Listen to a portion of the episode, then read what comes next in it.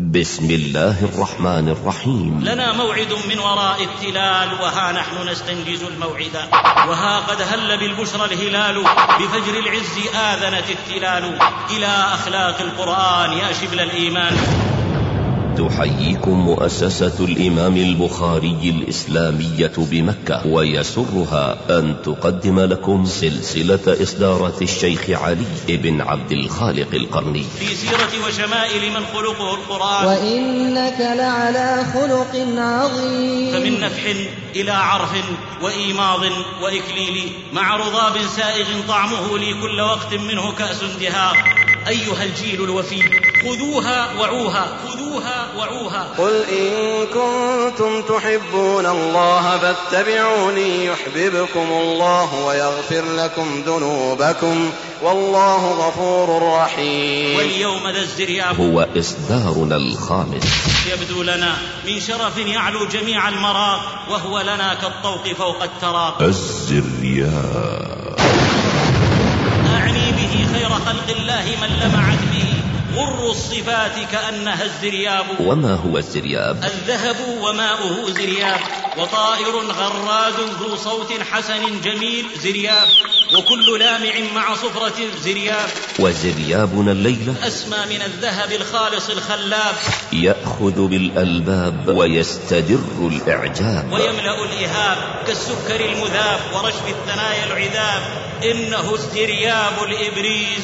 في وفاء النبي العزيز. إنه الزرياب الإبريز في وفاء النبي العزيز. وفاء النبي العزيز. وفاء به ازدانت أباطح مكة. وعز به ثور وتاه حراء نفحات من الوفاء. إنها نفحة عنبرية. بل صور نبوية. يطوف طائفها على القلوب الكليمة. ينضحها بالروح والريحان. ويطربها بأرق الألحان. ويحدوها لمراق الكمال. فسيرته أعظم السير. أحببتها طفلا وهمت بها فتى. وعشقتها كهلا وزدت تعلقا. فتعالوا بنا. لنغرف من بحره ونرتوي بدره ونشنف المسامع بدره. فهذه صور من وفائه عليه الصلاة والسلام يسطرها لنا فضيلة الشيخ علي بن عبد الخالق القرني بهذا الإصدار. الزرياب الإبريز في وفاء النبي العزيز. مما لا يخفى أن أمتنا خير أمة أخرجت للناس سمت بدينها حتى صار رعاة الغنم قادة الأمم. الزرياب فلو لم يكن بالوحي خير الأنبياء لكان بسيرته وخلقه أعظم العظماء. وفاؤه عليه الصلاة والسلام. ومن أعظم صور وفائه لأعدائه وفاؤه بعقد الحديبية. وفاء النبي العزيز. وفاؤه ما وفاؤه. وفاء فلو ترقى الكواكب نحوه لقد بات تلميذا لديه عطارد. وفاء النبي العزيز. وفاء ازدانت به النوادي وذاع في الحضر وفي البوادي. صلى عليه بارئ العباد ما أمطرت سحب وسال وادي. وفاء النبي العزيز. تالله ما حملت أنثى ولا وضعت مثل النبي الوفي الرحمة الهادي. ولا برى الله خلقا من بريته. أوفى بحق لأهل أو بميعاد. بأخلاقه ووفائه أسر قلوب الصادق ثبت في السنن أن أبا رافع رضي الله عنه قال بعثتني قريش إلى رسول الله صلى الله عليه وسلم فلما رأيت رسول الله ألقي في قلبي الإسلام. رأيت وجها بديعا بكل خير تحلى. سل المعارك عن وفائه. والحق يشهد والخلائق تشهد أن وفاءه لأعدائه لا يقدر على مثله غيره. بل سل الجمادات عن إن وفائه وفاءه صلى الله عليه وسلم سما لحجارة صماء حازت منه أرقى عبارات الحب والوفاء لما طلع له أحد في عودته قال هذا أحد جبل يحبنا ونحبه. وفاؤه للصحبة. وفي أحد يقف حزينا على شهدائهم ويصلي عليهم بعد ثمان سنين مودعا لهم ويقول أنا شهيد يوم القيامة عليهم. ويفي لجعفر في حياته وبعد مماته. فحين استشهد بمؤتة حزن عليه النبي صلى الله عليه وسلم وطلب أبناءه فشمهم وذرفت عيناه عليه وأوصى واوصى أصحابه الا يغفلوا عنه وأن يصنعوا الطعام له. فقد آتاهم ما شغلهم وفاء الوفاء. من وفائه أن رجح حق الوالدين على الهجرة إليه والجهاد في سبيل الله. واخفض لهما جناح الذل من الرحمة وقل رب ارحمهما كما ربياني صغيرا. الوفاء الوفاء. إنه خلق النبوة. إنه وفاء مع الله بتوحيده وإخلاص العبادة له. وما أمروا إلا ليعبدوا الله مخلصين له الدين. الوفاء الوفاء. إنه خلق النبوة. إنه خلق النبوة. ووفاء مع رسول الله اقتداء واهتداء. وما آتاكم الرسول فخذوه وما نهاكم عنه فانتهوا واتقوا الله إن الله شديد العقاب. الوفاء الوفاء. إنه خلق النبوة. إنه خلق ووفاء مع عباد الله في العهود والعقود والوعود. يا أيها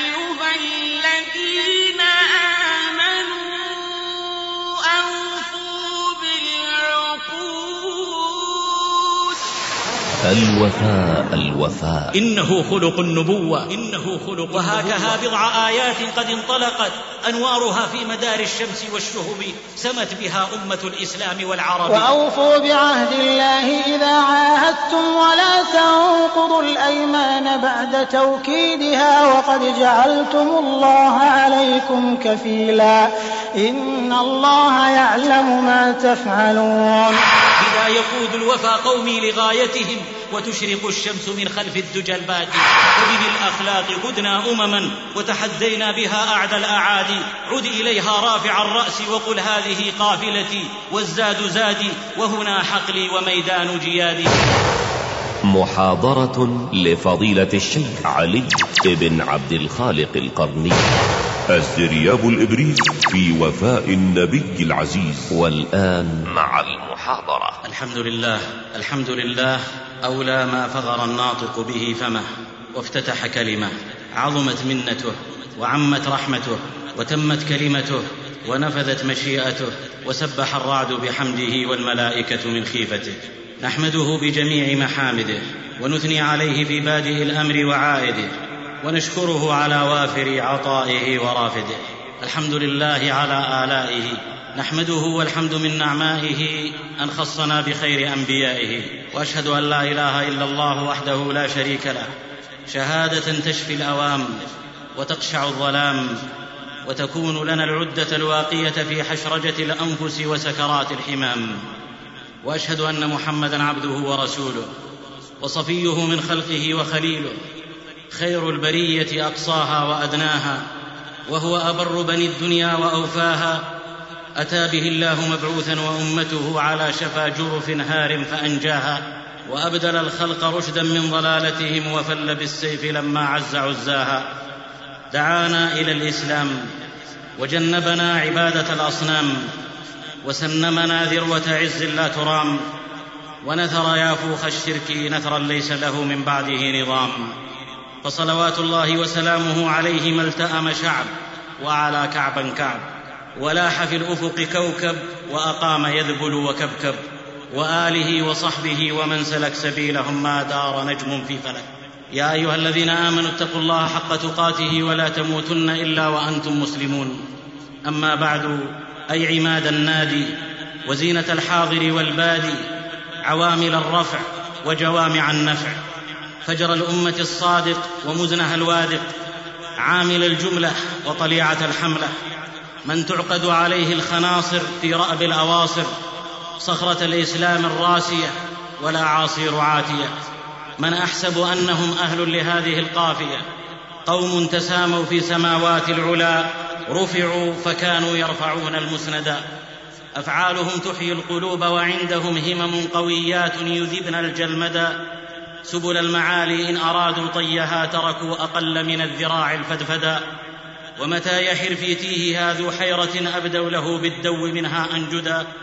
فهم الأولى كسوا العلا أبهى الحلا. فبهم تجلت لؤلؤا وزبرجدا سمطا غدوا في جيدها وأساورا في المعصمين وفي النواضر إثمدا ها أنا ذا أخيكم ها أنا ذا. ذو هفوات كثرت وعلل قد ظهرت وبطنت وذا وذا. فميزوا المبهم من حالي ومن قالي ومن كم وكأي وكذا. فأرضنا اهتزت إليكم وربت وساغ ماؤها وجوها عذا. فالجسم عنكم كل يوم في نوى. والقلب حول ربا حماكم طائف. ألا نظر الله هذه الوجوه التي أحسبها في الخير مسفرة ضاحكة مستبشرة كدر وياقوت يقلب في اليدين. قد نطقت بحب خالص لم يمازجه رين. من رآني ورآها واحدا فهو بعينين ومن رآنا اثنين فهو بعين. وبتحية الإسلام أحييكم في هذه الليلة تحية خالدة ثابتة لازمة تنفي الحروف الجازمة. تسوم ساكن الود أن يتحرك ومعتل الإخاء أن يصح. لها نكهة كالورد فاح مع الصبا وطعم كأحلى ما تمج الجوارس. فالسلام عليكم ورحمة الله وبركاته. سلاما كعد القطر والرمل والحصى ونبت الصحاري والنجوم الشواهد سلاما يباري الريح مسكا وعنبرا ويعلو بسام الود فوق الفراقد وأهلا كما هب النسيم المعطر وإلا فمسك طيب النشر أذفر. حياكم الله وأحياكم للأمة.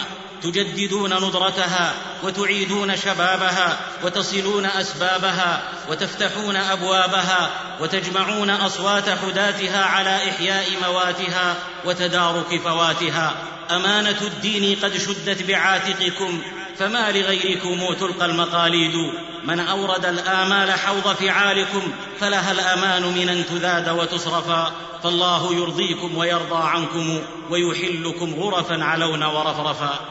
معشر الإخوة مما لا يخفى أن أمتنا خير أمة أخرجت للناس سمت بدينها حتى صار رعاة الغنم قادة الأمم لا يبرم أمر دونهم ثم غيرت وبدلت وقد قضى الله إن الله لا يغير ما بقوم حتى يغيروا ما بأنفسهم. دارت رحى الأيام واستلقت على القاع القمم فمع ما تملكه من طاقات ومقدرات تؤهلها لريادة الأمم. لم تزل في لجة اليم في ذيل الأمم.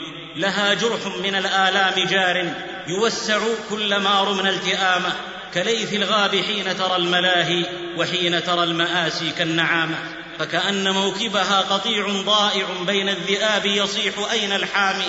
وتلفت الساري إلى الساري كما يتلفت الأعمى إلى المتعامي وحاديها لسان الحال منه تانف أنت في زمن الإناث تحاول أن تعدد فيه أنثى فإن تغضب تطلق بالثلاث ومن عجب يساندهن قوم يسار بهم كثيران احتراث. غثائيه كما وصفها خير البرية تطلب العدل من الباغي عليها وتنادي من إذا جاوب تمتم. خدرها عدوها وشغلها عن دينها ومزق رابطتها بكسب يدها فأصبح كل فريق منها كما قيل قانعا بجحر الضب يناضل عنه بمثل سلاح الضب وهيهات إذا مزقت الأطراف أن يحفظ القلب.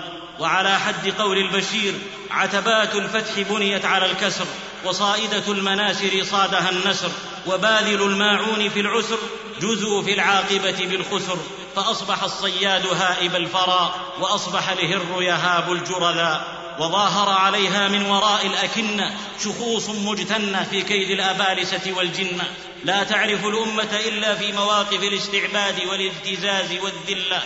فإذا ما مس الضر الأمة كانوا على المؤمنين أعزة وعلى الكافرين أذلة يستأسدون على القريب وللعدو أرانب لا يعرفون الياء من الألف ودائما في باب ما لا ينصرف. يجعلون العنفقة حاجبا والمجون واجبا. جيل من الأنعام إلا أنهم من بينها خلقوا بلا أذناب. ليس في صحفهم موقف واحد لعز الإسلام. يداوون الزكام بالجذام ويمتدحون الدناءة بالكلام. عار على السلف والخلف. وأكذب ما يكون أحدهم إذا حلف. ويكثرون من العواء والصلف. كلاب مزابل آذينني بأبوالهن على باب داري وقد كنت أوجعها بالعصا ولكن عوت من وراء الجدار. فصارت الأمة ميدان تنازع لعوامل الخفض إذ تنازعها عاملان. عامل على تجريدها من دنياها يجهد في التجريد ويتمنى المزيد وعامل على تجريدها من دينها يكيد ما وسعه الكيد. ويلتقي العاملان في نقطة واحدة ألا وهي القضاء على هذه الأمة وهذا محال بفضل الله ومنه. فكلما للحرب نارا أوقدوا أطفأها الله العزيز الأحد. تستيقظ الأمة مترنحة تقول للعامل الأول بلسان حالها لا نوم بعد اليوم. ولا يتم ما تم في النوم. وتقول للثاني كذبك الظن والصاب لك بلا من. فالإسلام كامن كمون النار في الحجر متى ما يهجه قادح يتوقد. إن الجواهر في التراب جواهر والأسد في قفص الحديد أسود. والباطل باطل يعود إلى أصله حيث لا أصل. وأما ما ينفع الناس فيمكث في الأرض. والحق يعلو فهو الاستقلال. يؤول والباطل لاضمحلال والسبع سبع وإن كلت مخالبه والكلب كلب وإن قلدته الذهبا أفاقت الأمة خائرة القوى وانية الخطى على فتن متماحلة ومحاولة مستميتة لإعادة النائم لنومه. وانى ذلك وقد قذف في روعها أنه لا يستقيم لها عمل إلا بالتنقيح المعجل لكل ما ورثته من أخلاق ليس لها في الخير من خلاق. ولن يتم ذلك إلا بالعودة لميراثها الأصيل فحدى الحادي على قلة الحادي ليستنهض الميت والمقعدا ويستنفر الترب والجلمدا يمد إلى كل نجم يدا ويوحي إلى الجو أن يرعدا سينشق فجر ويشدو ربيع ويخضلضر الجدب الناشدا ويرنو فينظر خضر الرؤى كما ينظر الأعزب الخردا لنا موعد من وراء التلال وها نحن نستنجز الموعدا وها قد هل بالبشرى الهلال بفجر العز آذنت التلال. إلى أخلاق القرآن يا شبل الإيمان. في سيرة وشمائل من خلقه القرآن. فبذي الأخلاق قدنا أمما وتحدينا بها أعدى الأعادي عد إليها رافع الرأس وقل هذه قافلتي. والزاد زادي وهنا حقلي وميدان جيادي. وهذا ميدان أخب فيه وأضع وليتني فيه جذع فأحد الشيخ والجذع. اخلع نعالك في طوى أكنافه وضع العصا في واده القدسان لنغرف من بحره ونرتوي بدره ونشنف المسامع بدره. فما برحت منه الخلائق تحتذي شذا تتهاداه الأنوف النواشق. فإن أنا لم أطلق لساني لنعته فنحوي وصرفي والبلاغة طالق فمن نفح إلى عرف وإيماض وإكليل مع رضاب سائغ طعمه لي كل وقت منه كأس دهاق واليوم ذا الزرياب يبدو لنا من شرف يعلو جميع المراق وهو لنا كالطوق فوق التراق. الزرياب ما الزرياب؟ الذهب وماؤه زرياب. وطائر غراد ذو صوت حسن جميل زرياب وكل لامع مع صفرة زرياب وزريابنا الليلة أسمى من الذهب الخالص الخلاب يأخذ بالألباب ويستجر الإعجاب ويملأ الإهاب كالسكر المذاب ورشف الثنايا العذاب إنه الزرياب الإبريز. في وفاء النبي العزيز. هواه قد غذيت به صغيرا وهل للنفس صبر عن غذاها؟ إنها نفحة عنبرية يطوف طائفها على القلوب الكليمة ينضحها بالروح والريحان ويطربها بأرق الألحان ويحدوها لمراق الكمال لتحذو اذا حذت على خير مثال. أعني به خير خلق الله من لمعت به غر الصفات كأنها الزرياب. صلى عليه بارئ العباد. ما جرت الأقلام بالمداد وأمطرت سحب وسال وادي. الزرياب الابريز في وفاء النبي العزيز عليه الصلاة والسلام خلق تعلقت النفوس بحبه فكأنه في كل قلب خيما إنه زرياب يقول والله لن تجد في كتب التاريخ والسير من فجر الخليقة إلى اليوم اسم رجل يداني أو يضاهي رسول الله صلى الله عليه وسلم في كمال خلقه وعظمة شخصيته وباهر وفائه. بفضله اعترف الأعداء ما جحدوا إذ عجزوا عن العثور على جانب نقص في سيرته. يقول مستشرق لم يملك نفسه أمام تلك العظمة. يقول ما أحوجنا اليوم إلى رجل كمحمد يحل مشاكل العالم وهو يحتسي فنجان قهوة. نعم فالشمس ليس تجليها بمجحود فلو لم يكن بالوحي خير الأنبياء لكان بسيرته وخلقه أعظم العظماء. فقد جمعت فيه الخصال المفرقة تفيض كفيض الديمة المتدفقة ترد خليات القلوب مشوقة وما كلمي إلا إليها موجه وما همتي إلا بها متعلقة. وإني وإن أسهبت لست ببالغ مداها ولو نازعت سحبان منطقا زرياب يقول السل أول ما يكون زكام. يا دعاة القوم داووا أمة ابتلاها السل في أخلاقها فهي تخطو للردى في مهل. عندكم للسل ذا مشفى فهل عندكم للخلق المبتذل. زرياب يقول إن صالحة يأخذها الناشئ بالقدوة والمثال خير من ألف نصيحة بالمقال. لقد كان لكم في رسول الله أسوة حسنة. فأسعد أهل الأرض تابع خطوه ومن زاغ عنه هالك في الهوالك زرياب يقول ألا أيها الشانئون اخسأوا وموتوا بغيظكم واكلحوا بل إنه صمصام يكوي بصارم البيان سرسام من يسخر بالإسلام والقرآن ونبي الإسلام عليه الصلاة والسلام من كل علج هابط ساقط وضيع رقيع خب لئيم منحوس منخوس منكوس معكوس موكوس مطموس دنس خبيث أشمط متفيهق نجس فلو صفع النعال بوجهه صاح النعال بأي وجه أضرب ومن المخازي أكله والمشرب خسئت فمه ليهنئك الخراب الخراج بغير جيم فما يشفي الزلال غليل هيم. وجوهكم نعل له في الترب وقاية من شوكة وعقرب فهو كالشمس علوا وسناء. كلما حاول وغد قذفها قذفته بلظاها الشهب. فليمت بالغيظ كل الأدعياء ما عسى يفعل إخوان الشقاء. ما هم والله إلا ككلب امرأة عربية فقيرة. زعموا أنه جاع ليلة فنبح. فأخرجته فنظر إلى القمر فظنه رغيفا فما زال ينبحه ليله كله. فقال الناس كلب ينبح قمرا وما ضر المنير نباح كلب ولو كل الكلاب ينابحون.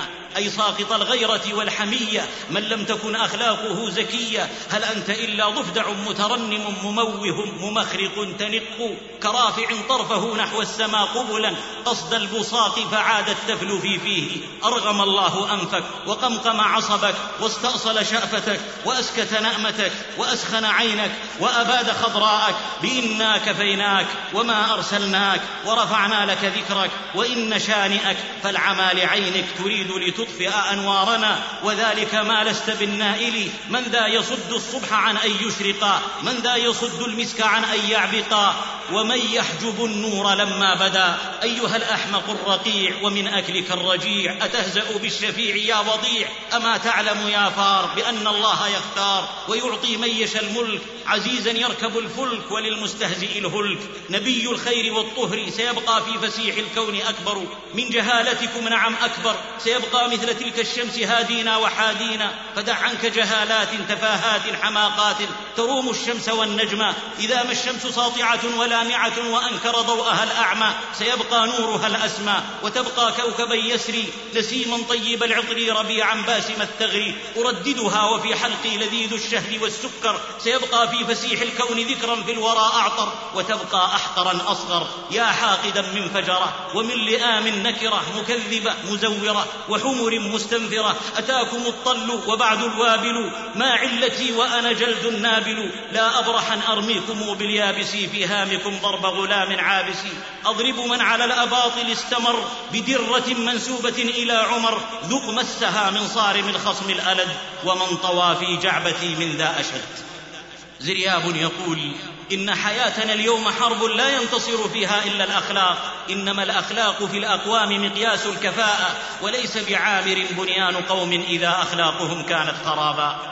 زرياب يقول علمونا الأفعال قد ذبحتنا أحرف الجر والكلام العجين علمونا قراءة البرق والرعد فنصف اللغات وحل وطين. الإسلام محجوب بأهله والمسلمون في جملتهم اليوم كدابة على رأس بئر عذب لا هي شربت ولا تركت الناس يستسقون ويشربون خلت المشاعر من حرارة شوقها ضعفا كما خلت القلوب من الدم الصوم والصلوات ملء ديارنا والحج للبيت العتيق وزمزم تلك المشاعر لا تزال كعهدها لا ينقص الإسلام غير المسلمين لا ينقص الإسلام غير المسلمين. زرياب يقول داء المسلمين منهم لا تلام العواصف حين تحطم شجرة نخرة في أصولها.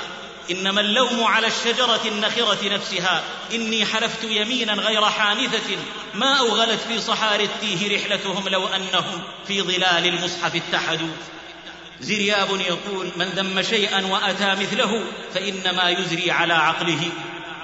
زرياب ينادي هذا هو النهر فانهل أيها الصادي من عذب أخلاقه في حسن اسنادي من نفح قيصومها من شيحها النادي من العرار الذي تندى خمائله عذوبة ومن الريحان والكاذي هلم هلم مع اعترافي بأنني لست من ذوي الأقدام والخوافي فمن يحصي شمائله اللواتي لها في كل رابية ثناء وما أثني عليه وفيه طه ومريم والفواتح والنساء. لكنني أقول مستعينا في مطلب إلهي المعين فما لنا في العالمين مذهب عن باب مولانا إلى من نذهب. رب ثبتنا بقول ثابت في الحياتين فلا نخلولج ولتثبت قدمي إذ لم تكن قدم تأمن سوء الزلج واجعل أعمالي لي خالصة بالريا والعجب لم تمتزج اللهم لا سهل إلا ما جعلته سهلا وأنت تجعل الحزن إذا شئت سهلا.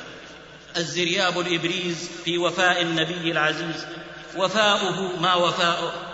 وفاء فلو ترقى الكواكب نحوه لقد بات تلميذا لديه عطارد. إليه انتهى النور المبين الذي به تبصر ضليل وأذعن مارد. والذي فلق الحب والنوى وأعطى كل شيء خلقه ثم هدى. ما دب على الثرى أوفى ذمة وأنقى سيرة وسريرة وأوفى بميثاق ووعد وعهد منه صلى الله عليه وسلم. شمائل ذا ثراها فائح عبق. كالمسك فتته الداري تفتيتا. يرنو لها الناس من عرب ومن عجم ويسبرون لها البيد السباريتا فهو أجل الورى قدرا وأوفاهم عهدا وأرفعهم يوم الثنى صيتا صلى عليه بارئ العباد ما أمطرت سحب وسال وادي. كان صلى الله عليه وسلم أوفى الناس وفى تنجلي الظلمى بأنوار وجهه فمهما بدا لم يفقد البدر فاقد. خلال لو أن الحسن نيل بمطلب لاصبح تستمليه منها الخرائد. يلتزم بعهد شخصي أخذ على بعض أصحابه ليعظم عهد الله وميثاقه ويرسم صورة حية جذابة للدخول في دين الله والدر يزداد حسنا في تألقه إذا تحلت به اللبات والجيد. ثبت في صحيح مسلم من حديث حذيفة بن اليمان رضي الله عنه قال ما منعني أن أشهد بدرا إلا أني خرجت أنا وأبي فأخذنا كفار قريش وقالوا إنكم تريدون محمدا. قلنا ما نريده ما نريد إلا المدينة.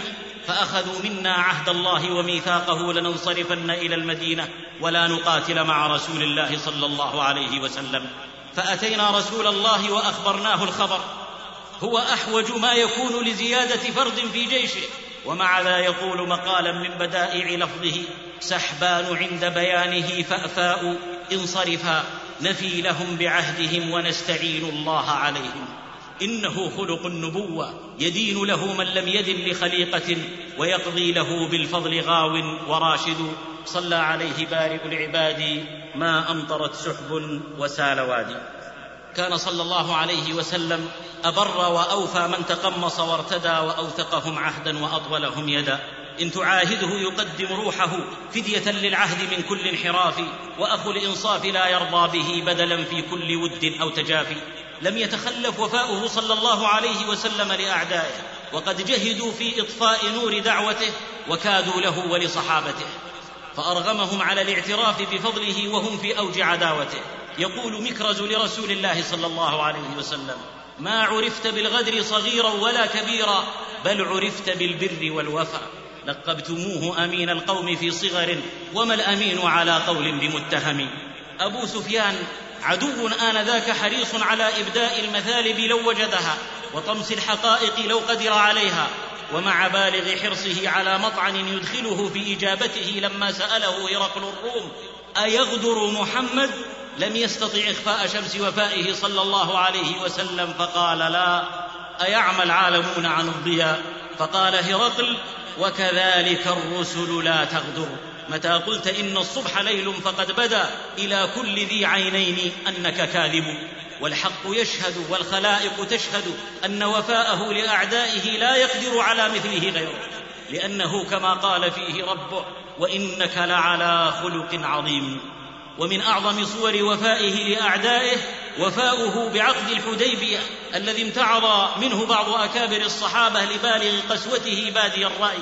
نتيجة إصرار قريش على إملاء شروط عنجهية يعظم على قلوب الأحرار التي لم يؤيدها الوحي قبول ذلك ومنها أن من جاء مسلما رد عليهم.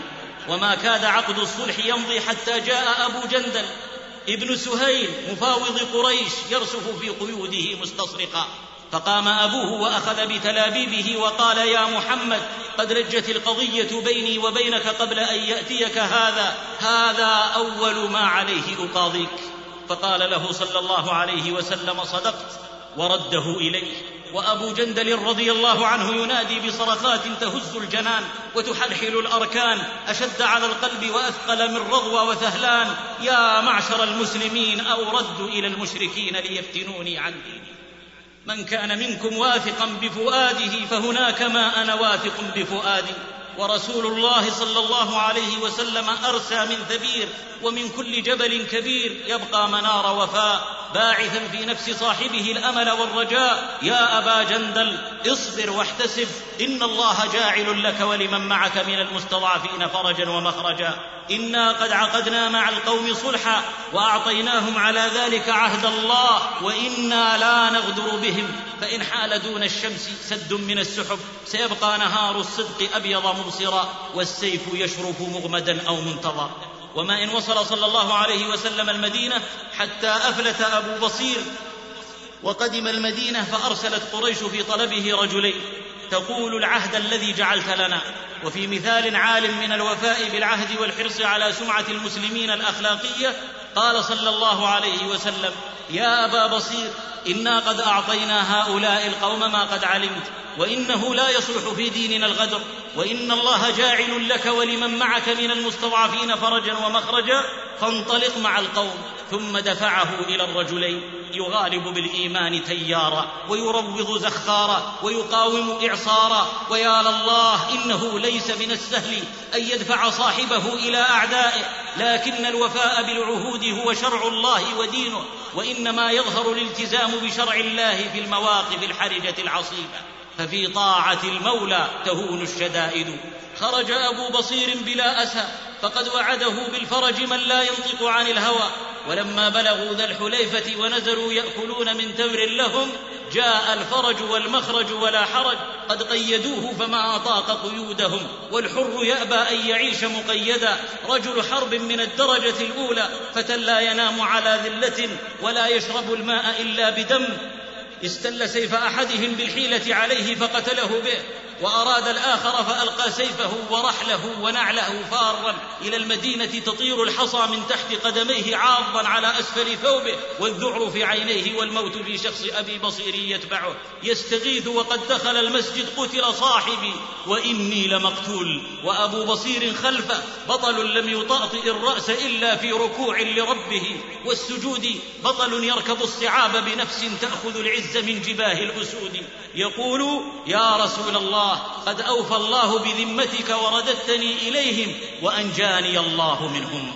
دهاء وبطولة تستحق أن تكون مشعلا لخدمة الإسلام وإزعاج الكفار. يدفعها صلى الله عليه وسلم ملمحا لا مصرحا. ويل أمه مسعر حرب لو كان له أحد. وبالإشارة اللبيب يفهم عرف أنه سيرده فخرج حتى أتى سيف البحر ولحق به أبو جندل وكل من أفلت من المشركين فكونوا عصابة تعترض عير المشركين وتقطع طريقهم إلى الشام وتفوت عليهم مصلحة الصلح مع المسلمين ليأتوا خاضعين ذليلين منكسي رؤوسهم يتنازلون عن شرطهم ويستشفعون برسول الله صلى الله عليه وسلم أن يؤوي كل من خرج إليه من المسلمين. تلكم والله عاقبة الوفا يطوي الوفاء الأدعياء وزيفهم ومآلهم عار وصمت مطبق ويظل حراس العقيدة ذروة مثل النسور على الجبال تحلق. ويا معشر الإخوة هكذا يفعل الإيمان في قلوب معتنقيه فلو أن ما حل بأبي بصير كان مع رجل من رجالات الدنيا لارتد عن دينه وانقلب عدوا له لكن أبا بصير رجل عقيدة تحول من جندي في جيش المسلمين لو آووه إلى قائد كتيبة تقض مضاجع المشركين وترغمهم على تغيير سياساتهم السطحية ثم يظل ولاؤه لله ولرسوله وللمؤمنين. شتان ما بين الذين لربهم باعوا النفوس الناصبين صدورهم من دون دعوتهم تروسا والراقدين على الهوان يحمون الرؤوس لا والذي سمك السماء وحاكها لن نهتدي إلا بشرع محمد. صلى عليه بارئ العباد ما أمطرت سحب وسال وادي. كان صلى الله عليه وسلم أوفى الناس. إن يسطع الصبح قلنا الصبح يشبهه.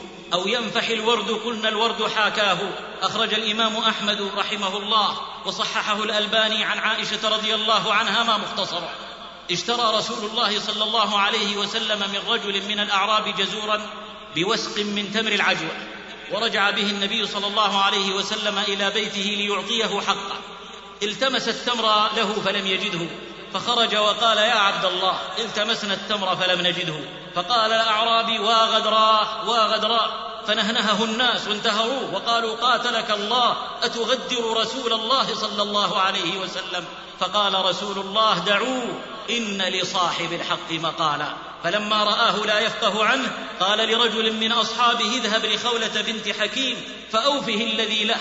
فأوفاه حقه كاملا. زال غضبه وتغيرت لهجته. وأتى رسول الله صلى الله عليه وسلم فقال جزاك الله خيرا فقد أوفيت واطيبت وغاية جهد أمثالي ثناء يدوم مدى الليالي أو دعاء. فقال النبي صلى الله عليه وسلم أولئك خير عباد الله الموفون المطيبون. وهو خيرهم. صلى عليه بارئ العباد ما أمطرت سحب وسال وادي. كان صلى الله عليه وسلم أوفى الناس. أحيا به الله هذا الخلق كلهم فكان روحا وهذا الخلق جثمان ثبت في السنن أن أبا رافع رضي الله عنه قال بعثتني قريش إلى رسول الله صلى الله عليه وسلم فلما رأيت رسول الله ألقي في قلبي الإسلام. إن الوجوه على القلوب شواهد. فأمينها لك بين والخائن. فقلت يا رسول الله إني والله لا أرجع إلى قريش أبدا. لكن الرسالة تقتضي جوابا والجواب لا يصل إلا مع الرسول فكأنه عقد عقد. فقال صلى الله عليه وسلم إني لا أخيس بالعهد ولا أحبس البرد ولكن ارجع فإن كان في نفسك الذي في نفسك الآن فارجع إلينا. قال فذهبت إلى قريش فبلغتهم ثم أتيت النبي صلى الله عليه وسلم فتشهدت وأسلمت. رأيت وجها بديعا بكل خير تحلى وكنت أعددت نحوي ذخيرة فاضمحلا وهل يخفى على السارين نهج؟ إذا ما البدر في الأفق استنارا فعليه الله صلى وعليه الله سلم. كان صلى الله عليه وسلم سيرة فريدة واي سيره أحببتها طفلا وهمت بها فتى وعشقتها كهلا وزدت تعلقا. في السير بسند حسنه ابن حجر رحمه الله. لما فتح الله مكة لرسوله ونزل بها واطمأن الناس خرج فطاف بالبيت. ثم دعا عثمان بن طلحة فأخذ منه مفتاح الكعبة. فدخل فيها وصلى ركعتين ثم جلس. فقام علي رضي الله عنه وأرضاه وقال يا رسول الله اجمع لنا الحجابة مع السقاية صلى الله عليك. السلطة آنذاك بيده كاملة وباستطاعته أن يمنح بني هاشم شرف الحجابة مع السقاية وهم لذلك أهل. ولكنه صلى الله عليه وسلم لم ينزعه من قوم توارثوه مع أن عثمان بن طلحه قد أغلظ عليه قبل الهجرة حينما أراد أن يدخل البيت ذات يوم. فقال له النبي صلى الله عليه وسلم آنذاك لعلك ترى هذا المفتاح بيدي أضعه حيث شئت. وأصبح المفتاح في يده.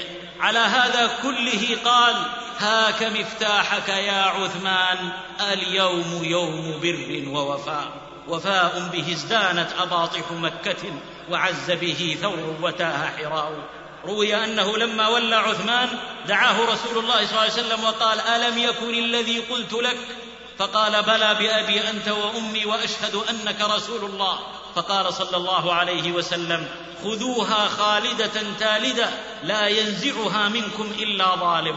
فولى عثمان وحاله. أراني من جميل الفعل ما يستعبد الحر. فصرت أذكره في السر والعلن وفي انتباهي وفي نومي وإغفائي. مني صلاة وتسليم يقارنها. عليه ما اهتز نور غب أطلائي كان صلى الله عليه وسلم أوفى الناس. فمفرد بالوفاء قد جاء منحصرا في نعته المبتدأ المرفوع والخبر فمع أعباء الرسالة لم ينس أصحابه الذين لبوا دعوته. وبذل كل منهم في سبيل الله مهجته فإلى آخر يوم في حياته يذكرهم يدعو لهم يزورهم يستغفر لهم فهم السابقون في كل خير وهم الأبعدون عن كل ذام. يوصي الأمة بهم احفظوني في أصحابي لا تسبوا أصحابي إذا ذكر أصحابي فأمسكوا من سب أصحابي فعليه لعنة الله والملائكة والناس أجمعين. وفي أحد يقف حزينا على شهدائهم ويصلي عليهم بعد ثمان سنين مودعا لهم ويقول أنا شهيد يوم القيامة عليهم ويذكرهم ويقول والله لوددت أني غودرت بحضن الجبل معهم لا خير في من ليس يعرف فضلهم من كان يجهله فلسنا نجهل يفشي أحد الصحابة سره وهو يتهيأ لفتح مكة وعذره أن تكون له يد يدفع الله بها عن أهله وماله فصدقه النبي صلى الله عليه وسلم في اعتذاره. ولما استأذن عمر في ضرب عنقه نظر صلى الله عليه وسلم في رصيده الماضي فوجده شهد بدرا ولم يشهدها إلا مؤمن صادق الإيمان. فقال وفاء لصاحبه قولا يأخذ سامعه ما يأخذ النشوان على نقر العيدان. يا عمر وما يدريك لعل الله اطلع على أهل بدر فقال اعملوا ما شئتم فقد غفرت لكم. كلم أشهى من العسل العقا منه ولا تسلي ويطلع على منافق يجهد في هدم الإسلام وإيذاء أصحابه فيراوده عمر على قتله فيمنعه وفاء لاسم الصحبة. ولجهل الناس بحقيقته دعه يا عمر لا يتحدث الناس أن محمدا يقتل أصحابه. رفت الدنيا عليها وازدهت وتغنت بمعانيها القوافي. أولى بالمؤمنين من أنفسهم. ما مات أحد منهم إلا خلفه في أهله وولده. بذا شهد الأيام واليتامى وترضيك الأرامل في الشهود. أم حبيبة رضي الله عنها رملة تهاجر مع زوجها إلى الحبشة. فيرتد زوجها ويتنصر. ويحسب أنه بلغ الثريا. وما ينفك يهوي للحضيض. يخيرها بين أن تتنصر أو تفارق. فوجدت نفسها بين ثلاث. إما أن تتنصر وهذا ما لا تفعله. ولو مشط لحمها بامشاط الحديد وقد ذاقت حلاوة الإيمان. وإما أن تعود لبيت أبيها بمكة ولم يزل قلعة للشرك لتعيش مغلوبة مقهورة. وإما أن تبقى في بلاد الغرباء وحيدة شريدة. هول به باتت الأهوال تحتقر. فاختارت رضا الله على ما سواه وقررت الفراق والبقاء في أرض الغرباء كالقمة الشماء والنار في الأعماق لكنما ما أروع الإصرار رغم الظما علم رسول الله صلى الله عليه وسلم خبرها فخطبها وتزوجها فعادت بخير ما عادت به امرأة على وجه الأرض كانت زوجا لفرد وارتد فصارت زوجا لخاتم النبيين كانت اما لحبيبة فصارت اما لجميع المؤمنين واستقبلت رمل عهدا لا نظير له في كل ما سجل التاريخ من حقب. ويموت أبو سلمة رضي الله عنه مجاهدا في سبيل الله معه. فيخلفه في أهله وولده ويتزوج أم سلمة رضي الله عنها. ويقول مقالة بشمائل أحلى من السلسال عيالك عيالي. فنالت به فوق ما ترغب وما من لسان لها يعرب ويفي لجعفر رضي الله عنه في حياته وبعد مماته. فحين استشهد بمؤتة حزن عليه النبي صلى الله عليه وسلم. وطلب أبناءه فشمهم وذرفت عيناه عليهم وأوصى أصحابه ألا يغفلوا عنهم وأن يصنعوا الطعام لهم. فقد أتاهم ما شغلهم. ثم جاءهم بعد ثلاث فقال لا تبكوا على أخي بعد اليوم. ودعا بني جعفر فجاءوا كالافراخ فأمر بحلق رؤوسهم ثم دعا لهم اللهم اخلف جعفرا في أهله وبارك لعبد الله بن جعفر في صفقة يمينه. وقال لأمهم لما ذكرت يتمهم وجعلت تحزنه عليهم العيلة عليهم تخافين وأنا وليهم في الدنيا والآخرة. وفاء عظيم قد تضوع ريحه نسيم الصبا هبت بري القرنفل عليه صلاة الله ما قال قائل قفا نبكي من ذكرى حبيب ومنزل. كان صلى الله عليه وسلم أوفى الناس. وفاء كوجه الصبح ما ذر نوره على مدلهم الخطب حتى تبددا فحامت قلوب الناس في روضه كما تحوم عطاش الطير أبصرن موردا. أبو بكر رضي الله عنه أحب الرجال إليه صاحبه في الغار شيخ المهاجرين والأنصار من قال قولته الغراء يرفعها كالسيف في وجه من خاروا ومن ثاروا. الدين كل وليس الدين تجزئة بعض صحيح وبعض منه أصفار. أعاد للمسلمين الفجر مبتسما من بعد ما كاد يمحو الفجر فجار. يفي له صلى الله عليه وسلم ويبين للأمة مكانته ليعرفوا قدره ومنزلته. حيث قال صلى الله عليه وسلم ما لأحد عندنا يد إلا وقد كافأناه بها ما خلا أبا بكر فإن له يدا يكافئه الله بها يوم القيامة. وما نفعني مال قط ما نفعني مال أبي بكر ولو كنت متخذا خليلا لاتخذت أبا بكر خليلا. مكان ما ارتقى أحد إليه وما بلغته همة ذي ارتياد. كان صلى الله عليه وسلم أوفى الناس وفاؤه فاح وفاق العرار لا زال ممدود الأيادي وفي اليمين يمن واليسار يسار. وفى صلى الله عليه وسلم للأنصار حين بايعوه بيعة العقبة وخشي بعضهم إذا ظهر أن يعود لقومه. فتبسم صلى الله عليه وسلم وقال بل الدم الدم والهدم الهدم أنا منكم وأنتم مني أحارب من حاربتم وأسالم من سالمتم. والحال فلا تخشوا الإعلال ما كل مصدر يعل وما الأفعال إلا لفاعل. وهاجر إليهم فاستقبلوه وصحبه أيما استقبال. لو استطاعت لطارت في لقائهم الأرض والأهل والأبناء والدار. فلما فتح الله له مكة أشفقوا أن يقيم بها ويتركهم. فقالوا أدركت رسول الله رغبة في قريته ورأفة بعشيرته فطمأنهم وقال كلا إني عبد الله ورسوله المحيا محياكم والممات مماتكم. فضجوا يبكون ودمعهم هطل في الخد كالديم يقولون والله ما قلنا الذي قلنا إلا ظنا وشحا بك أن تفارقنا فصدقهم وعذرهم فهو الذي يرعى الوداد لمن رعى يفديه بالروح وبالمال معا. حالهم شرفت أرضا طالما اشتاقت لكم ووصلت قلبا طالما حن إليك. ثم أوصى صلى الله عليه وسلم بهم في مرض موته. كما ثبت في الصحيح أن أبا بكر والعباس رضي الله عنهما مرا بمجلس من مجالس الأنصار وهم يبكون. فقالوا ما يبكيكم؟ قالوا ذكرنا مجلس رسول الله صلى الله عليه وسلم منا. لو ملكنا فداءه لبذلنا. ما ملكنا من طارف وتليد. فداه كل من حملته أم ومن لبس العمامة والرداء. فدخلوا على النبي صلى الله عليه وسلم فأخبروه بذلك. فخرج وقد عصب على رأسه حاشية برد. فصعد المنبر ولم يصعده بعد ذلك فحمد الله وأثنى عليه ثم قال أوصيكم بالأنصار فإنهم كرشي وعيبتي يعني بطانتي وخاصتي وقد قضوا الذي عليهم وبقي الذي لهم فاقبلوا من محسنهم وتجاوزوا عن مسيئهم.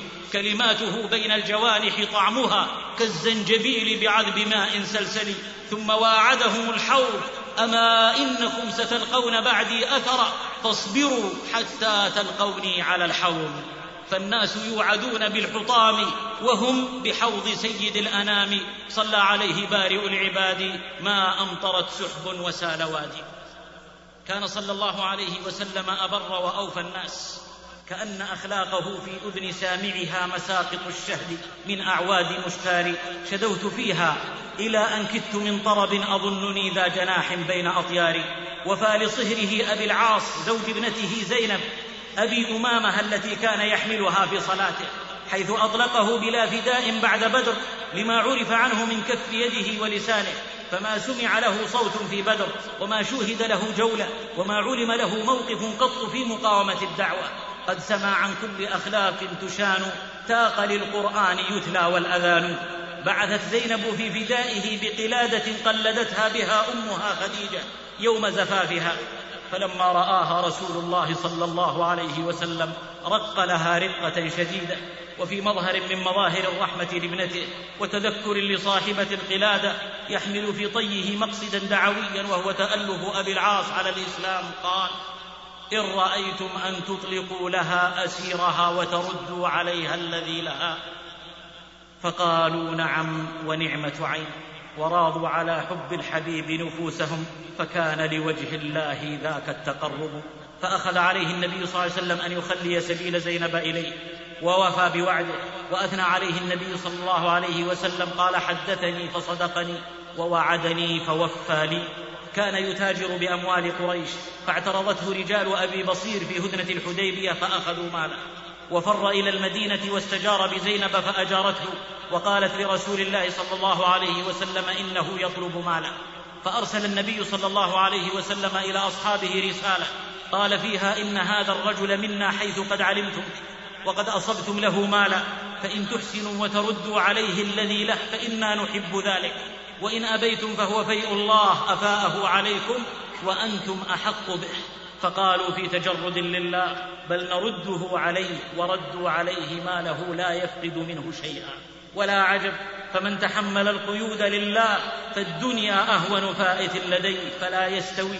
من همه الله وحده ومن همه الأعلى لجمع الدراهم. رجع لأهل مكة ورد أموالهم وقال هل بقي لأحد منكم عندي مال لم يأخذه؟ قالوا لا ولقد وجدناك وفيا كريما. قال فإني أشهد أن لا إله إلا الله وأن محمدا رسول الله. والله ما منعني من الإسلام عنده إلا أن تقولوا إنما أردت أن آكل أموالكم. فارتقى من درج العلياء مرقا علم الجوزاء ما معنى العلاء. ثم خرج فقدم على رسول الله صلى الله عليه وسلم والحال إليك إليك نبي الهدى. ركبت الجمال وجبت القفار. ولو كنت لا أستطيع السبيل لطرت ولو لم أصادف مطارا فرد عليه صلى الله عليه وسلم زينب زوجه. والصبح أسفر بعد ليل داجي. فجلى لهم ظلم الليالي بغتة من غير مشكاة ولا مسراج. كان صلى الله عليه وسلم أوفى الناس. هو رحمة عمت جميع الأرض من عند الكريم المنعم المتفضل. هو خير من لبس النعال ومن مشى. فوق الثرى خير وفي مرسل. وفى لعمه أبي طالب الذي رباه حتى بلغ أشده. وأعانه على إبلاغ رسالة ربه. ومنعه من سفهاء قومه. فلم يخلصوا إليه بسوء في حياته. لما حضرته الوفاة اهتزت مشاعر الوفاء في قلب النبي صلى الله عليه وسلم. فحرص كل الحرص على نفعه في انقاذه وجعل يناشده أي عم قل لا إله إلا الله أحاج لك بها عند الله.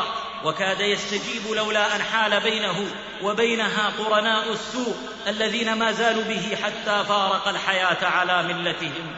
فوجد عليه النبي صلى الله عليه وسلم وجدا شديدا لما يعلم من مصيره وهم بسؤال الله المغفرة له لأستغفرن لك ما لم أنه عنك فنهاه الله فلم يزد عليه الصلاة والسلام على أن قال بقول الله إنك لا تهدي من أحببت ولكن الله يهدي من يشاء ويشفع له في تخفيف العذاب عنه. فحين قال العباس رضي الله عنه ما أغنيت عن عمه فقد كان يحوطك ويغضب لك. قال هو في ضحضاح من نار ولولا أنا لكان في الدرك الأسفل من النار. راسخ في الوفاء ما قام رضوى وأبان ويذبل وثبير. وفى لرحمه الباقين على كفرهم ولم يتولهم. فقال إن آل أبي ليسوا بأوليائي إنما وليي الله وصالح المؤمنين لكن لهم رحما أبلها ببلالها كالدوح يعطي الماء أعراقه وهامه يستحلب الفرقدا فعليه الله صلى وعليه الله سلم. كان صلى الله عليه وسلم أوفى الناس خير الورى وأجل من وطئ الثرى وأبر مبعوث به يسترشد وفى لاقاربه من الرضاعة وفاء كمال وعظمه ففي يوم حنين سبى المسلمون النساء والذراري والأموال من هوازن وثقيف ومنهم بعض من تنتسب اليهم مرضعته حليمة السعدية. وجاء وفد هوازن متأخرا وقد تملك الصحابة الغنيمة. فقالوا يا رسول الله إنما في الحظائر عماتك وخالاتك وحواضنك فلو أننا أرضعنا للحارث أو النعمان لرجونا عطفه وعائدته وأنت خير المكفولين. فقام صلى الله عليه وسلم ولسان حاله يأتي الفرج فلا يكن في صدوركم حرج. وفي حسن سياسة وقدوة وبذل وتضحية بما لديه ولدى أقربيه قال على رؤوس أصحابه ليقتدوا. قال إن إخوانكم جاءوا تائبين وقد رأيت أن أرد إليهم سبيهم من أحب أن يطيب لذلك فليفعل. أما ما كان لي ولبني عبد المطلب فهو لكم أيها الوفد. فقال المهاجرون وما كان لنا فهو لرسول الله صلى الله عليه وسلم. قالت الأنصار وما كان لنا فهو لرسول الله صلى الله عليه وسلم.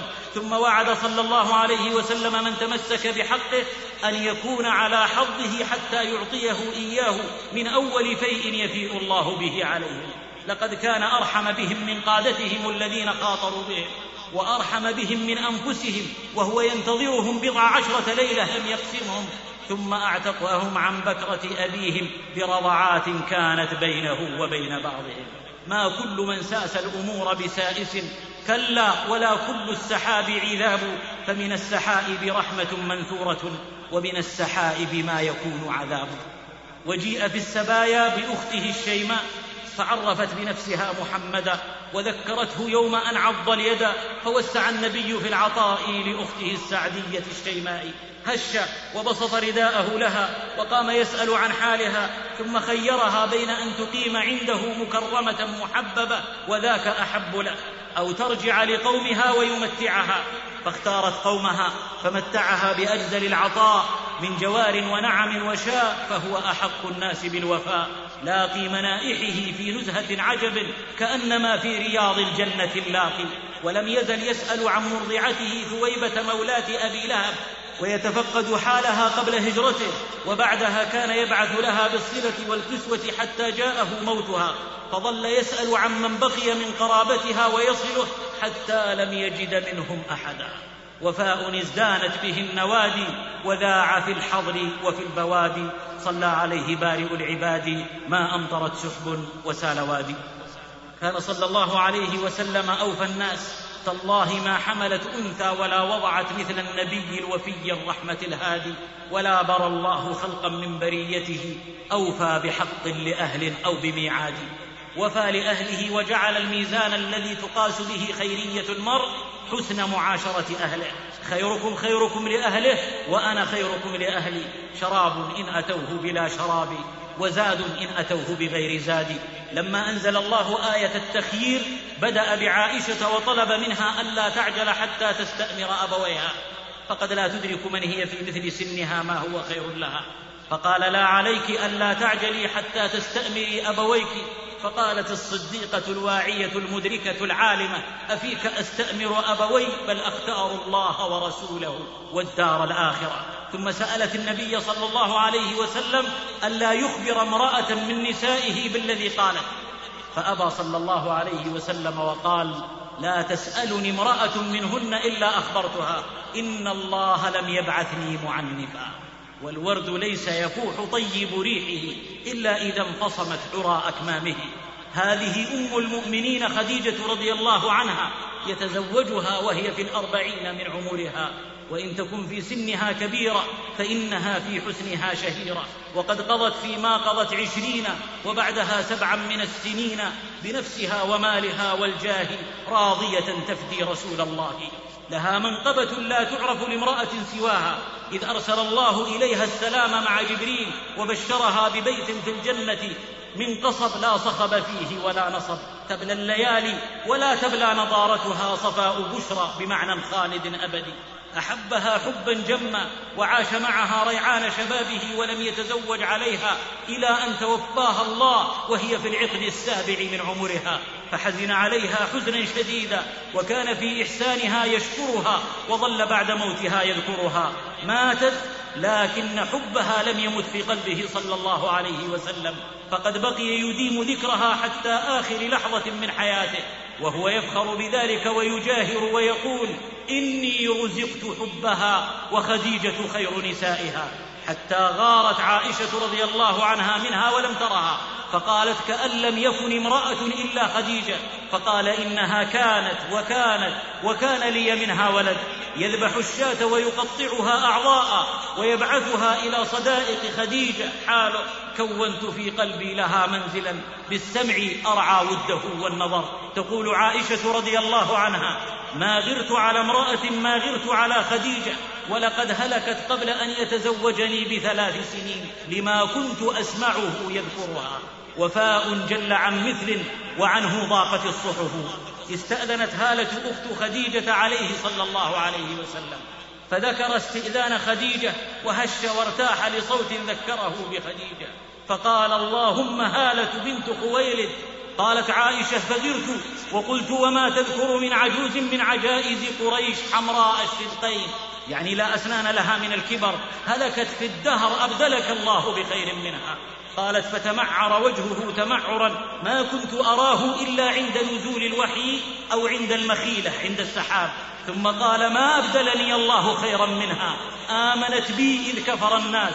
وصدقتني إذ كذبني الناس وواستني بمالها إذ حرمني الناس ورزقني الله ولدها إذ حرمني أولاد غيرها. قالت رضي الله عنها والذي بعثك بالحق لا أذكرها بعد هذا إلا بخير. وتأتيه يوما عجوز فيحسن لقاءها ويكرم مثواها ويسأل عن حالها كيف أنتم؟ كيف كنتم بعدنا؟ قالت بخير بأبي أنت وأمي يا رسول الله. فلما خرجت قالت عائشة رضي الله عنها أقبلت على هذه العجوز هذا الإقبال؟ قال إنها كانت تأتينا زمن خديجة وإن حسن العهد من الإيمان وفي العهد ذو كرم وصدق شمائله السماحة والوفاء. ووفى لحاضنته أم أيمن رضي الله عنها وقال فيها أم أيمن أمي بعد أمي. يا من يروم له نظيرا في الورى قد رمت كالعنقاء ما لم يوجد. فعليه الله صلى وعليه الله سلم. معشر الإخوة ما أحوجنا اليوم إلى تلقي هذه الدروس العظيمة في الحفاظ على الود وحسن العهد والعيش في ظلال. ولا تنسوا الفضل بينكم. من حاد عن خلق النبي وصحبه والتابعين الغر ليس بسالم. كان صلى الله عليه وسلم زخارا من وفاء أن التفت رأيت ماء سلسلا وسنابلا خضرا وغصنا برعما. لكل نبي دعوة مستجابة فادخر صلى الله عليه وسلم دعوته شفاعة لأمته يوم القيامة. فهي نائلة من مات لا يشرك بالله شيئا. واستزاد ربه في عدد من يدخل الجنة من أمته بلا حساب. فقال أعطيت سبعين ألفا من أمتي يدخلون الجنة بلا حساب. نسأل الله من فضله. فاستزدت ربي فزادني مع كل واحد سبعين ألفا. وأشفق على أمته من العذاب وبكى حتى قال الله إنا سنرضيك في أمتك ولا نسوءك. جزاه الله عنا خير ما جزى نبيا عن أمته. يا رب فاجمعنا به وصحابته في جنة تثني عيون الحسد. كان صلى الله عليه وسلم أوفى الناس. لا يدرك الساعون غاية مجده. من يستطيع إلى السماء تسلقا. من وفائه أن رجح حق الوالدين على الهجرة إليه والجهاد في سبيل الله. أتاه رجل فقال إني جئت أبايعك على الهجرة والجهاد أبتغي الأجر من الله. فقال صلى الله عليه وسلم فهل من والديك أحد حي؟ قال نعم كلاهما. قال تبتغي الأجر من الله؟ قال نعم. فبين أن الأجر الذي يطلبه ليس وقفا على الجهاد ولا قصرا على الهجرة. فهناك عمل آخر فيه الأجر الذي يطلبه والثواب الذي يبتغيه. إذ قال له ارجع إلى والديك وأحسن صحبتهم لن يجزي ولد والده إلا أن يجده مملوكا فيشتريه ويعتقه. وأبر البر أيها الشاب أن يراك والداك في طريق الأخيار ومع الأخيار. فاسلك طريق القوم حيث تيمموا ومعها لن تجد أبر ولا أحنى ولا أعطف ولا أنصح لك من والديك. فاغنم أوسط أبواب الجنة قبل أن يوصل وبعد أن يغلق وقل رب ارحمهما كما ربياني صغيرا. ليست مصيبات الزمان نظائرا جل المصائب دون فقد الوالد. كان صلى الله عليه وسلم أوفى الناس فعل الذي فعل الكرام بأسرهم ثم انثنى فأتاهم ببدائع فإليه أيديهم إذا ما قيل من؟ خير الكرام مشيرة بأصابع. يحض على الوفاء وحسن الرعاية للعهد حتى مع الحيوان البهيم والجماد. يجري على سنن المكارم فعله خلقا إذا كان الفعال تخلقا. أسر العدو امرأة مسلمة. وكانوا أصابوا من قبل ناقة لرسول الله صلى الله عليه وسلم. فرأت من القوم غفلة فركبت ناقة رسول الله صلى الله عليه وسلم حتى أتته. فقالت يا رسول الله إني نذرت لله أن أنحرها إن نجاني الله بها. فعجب النبي صلى الله عليه وسلم من هذه المكافأة لمن كانت سببا في نجاتها وتبسم وقال بئس ما جزيتها أن حملك الله عليها ونجاك بها ثم تنحرينها. إنه لا نذر في معصية الله ولا فيما لا تملكين. ما كل مطلب يحاول نيله يحوى ولا كل المنازل ترتقى. كان صلى الله عليه وسلم أوفى الناس. صفوه بما شئتم فوالله من طوى على مثله في الناس أم ولا أب. هذا جذع لا يعقل كان يخطب عليه وفي يوم الجمعة صعد منبرا صنع له وترك ذلك الجذع فصاح الجذع صياح الصبي. حنينا إلى الذكر وحزنا على رسول الله صلى الله عليه وسلم. وفي لمسة وفاء ينزل ويضمه إليه ويلتزم حتى سكن. ثم قال والذي نفس محمد بيده لو لم ألتزمه لما زال يحن إلى يوم القيامة. يحن جذع النخل لما فارقه لمنبر إليه حتى اعتنقه ونحن أولى أن نحن له. جعلنا الله من أهل سنته جمعنا الله به في جنته. إن وفاءه صلى الله عليه وسلم سما لحجارة صماء حازت منه أرقى عبارات الحب والوفاء. لما طلع له أحد في عودته قال هذا أحد جبل يحبنا ونحبه. كأن القول من فيه لنا در وياقوت. فعليه الله صلى وعليه الله سلم. كان صلى الله عليه وسلم أوفى الناس. خير القريض ولو يكون مهلهلا ما في شمائله يصاغ ويكتب. إن وعد وفى وإن كان الموعود ذا جفا صح أن اعرابيا جاءه في مرجعه من حنين يطلب نصيبه من الغنيمة ويقول ألا تنجز لي ما وعدتني؟ فقال صلى الله عليه وسلم أبشر. قال أكثرت علي من أبشر ومع رده البشرى أنجز له ما وعد ووفى. كالشمس لا تحتاج برهانا ولا يحتاج مبصرها إلى استيضاح ضار إذا ما رمته في دينه. أو رمت نقض العهد والميثاق. له الصلاة والسلام تترى ما شرى. برق على طيبة أو أم القرى. وبعد إخوتي كل الموارد بعد زمزم حلوها.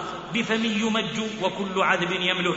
ماذا عساي أن أزيد في وصف وفائه؟ بعد قول الله في كتابه وإنك لعلى خلق عظيم. لكنها إشارة ورب إشارة عدت كلاما ولفظ لا يعد من الكلام. شيم تغص بها العداه وتشرق كادت بنا فوق المجرة تعلق. فأنالها الرق الذي لا يعتق. فانشق بها ريح الخزام لعلنا من عرف ذياك الوفا نتنشق.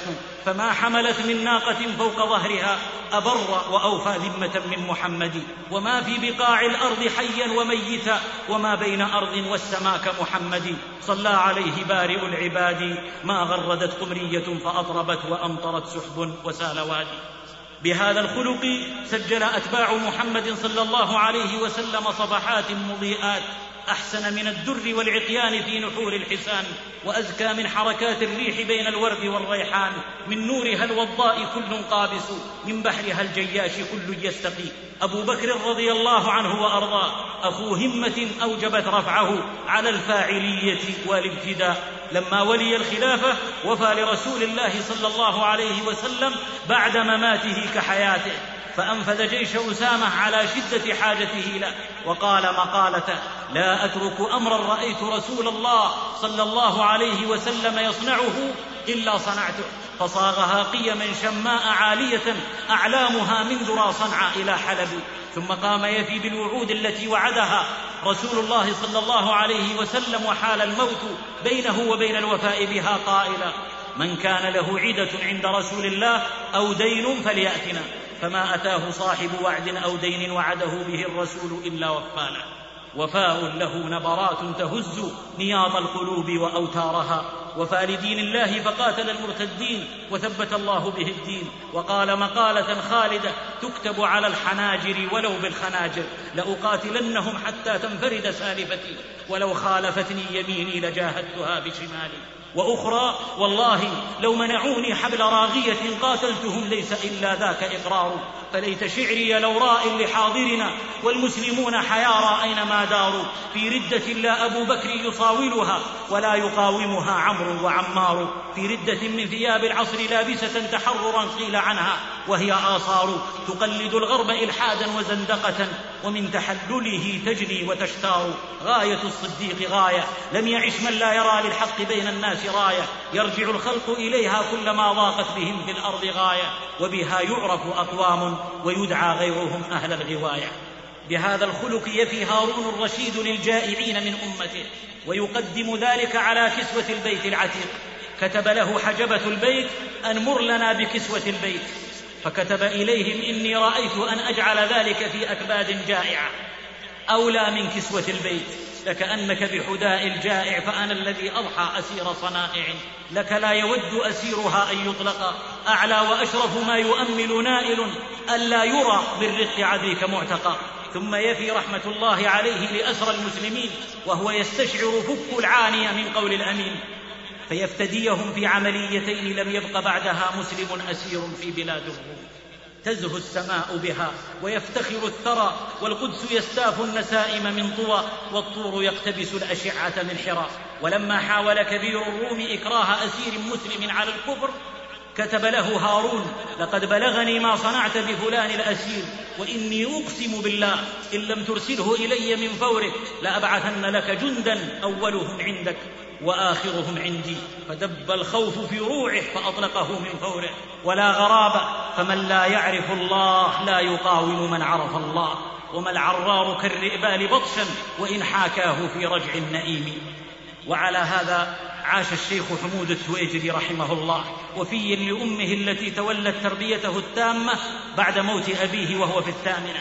إن يفقد الوالد الحاني فقد صقلت أخلاقه بكتاب الواحد الحكم لما مرضت كان أشد ما يكون برا بها ووفاء لها يرعاها ويحملها لقضاء حاجتها وينام معها في غرفتها ليؤنسها حتى لقيت ربها وحاله.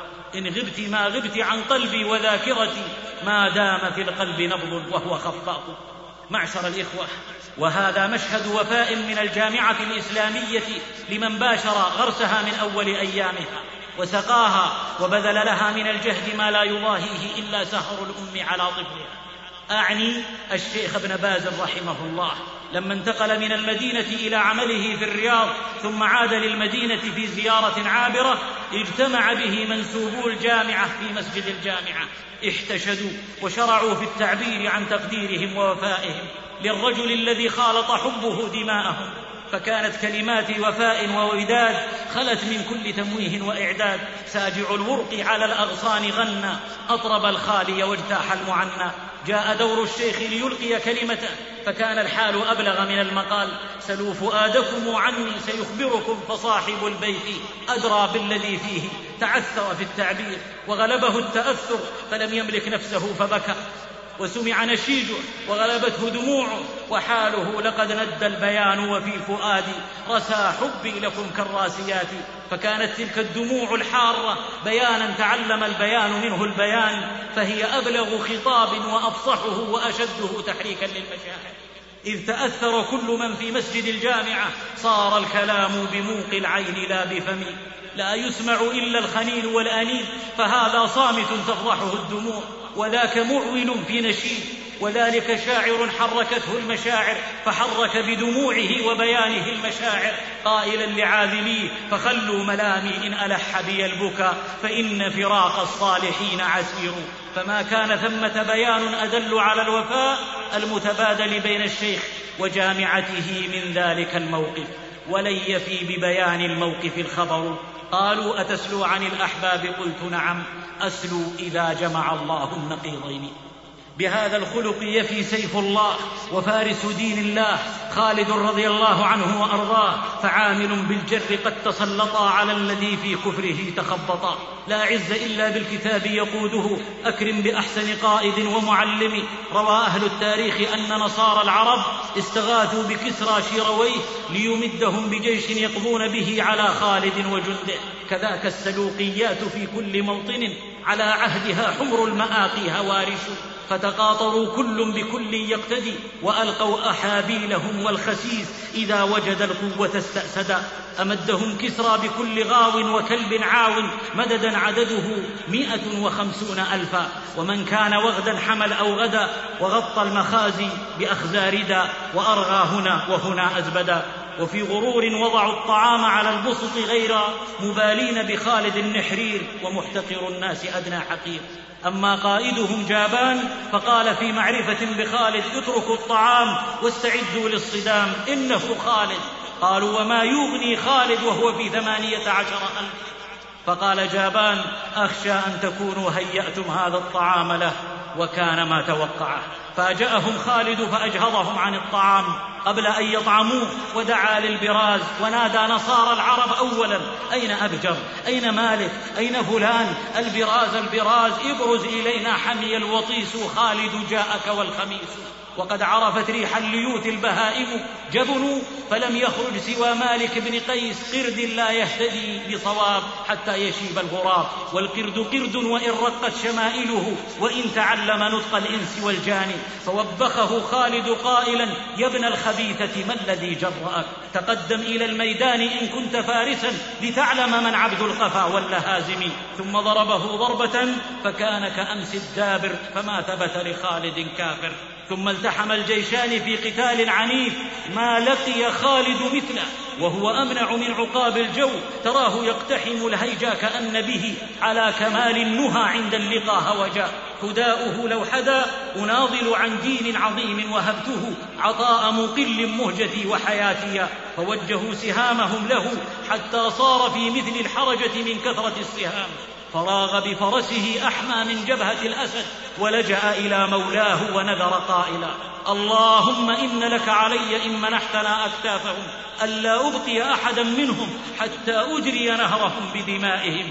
الله أكبر والله أكبر صيحة من قائد ملأ اليقين فؤاده فتفجرا الله أكبر في العدو تدكه وتزلزل الباغي وما قد عمر. هزمت أشعتها الظلام وزلزلت كسرى. وراء الخافقين وقيصرا ويا لله إن جبهة معها الله لا تنكسر. ولو اجتمع عليها الجن والبشر إن تابهم الذعر ولاذوا بالفرار. وركب المسلمون أكتافهم يقتلون ويأسرون. وخالد ينادي الأسر الأسر لا تقتلوا إلا من امتنع يريد أن يفي بنذره. فجاءوا بالأسرى سبعين الفا يساقون كالانعام وأمر خالد بحبس النهر أو تحويل مجراه وأمر بضرب أعناقهم والدماء تتخثر لا تجري. فقال القعقاع عفى الله عنك أبا سليمان لو قتلت أهل الأرض ما جرى الدم ولكن اطلق الماء عليه فيجري وتبر. ففعل فجرى نهر ليس أحمر قانيا فسمي حينها بنهر الدم. ونادى المنادي إلى الطعام يا عباد الله. ليصدق ظن جابان في سيف الله. فيبقى الشامخ البطل ولا يتزحزح الجبل. نقل الخبر إلى الصديق فتوج خالدا بالمقالة الخالدة. عدا أسدكم على الأسد فغلبه على خراذيله. عجزت نساء الأرض أن ينشئن مثل خالد. أما والله لأنسين الروم وساوس الشيطان بأبي سليمان خالد. فذلك سيف الله في الأرض سله. أذل به الله الذي كان ظالما وعز به المظلوم واشتد جانبه. بهذا الخلق عاش بطل شمال إفريقيا أحمد الشريف وفيا لدينه. وقد كشفت له الحوادث والتجارب أن الخضوع ليس وسيلة تعالج بها عداوة الأعداء.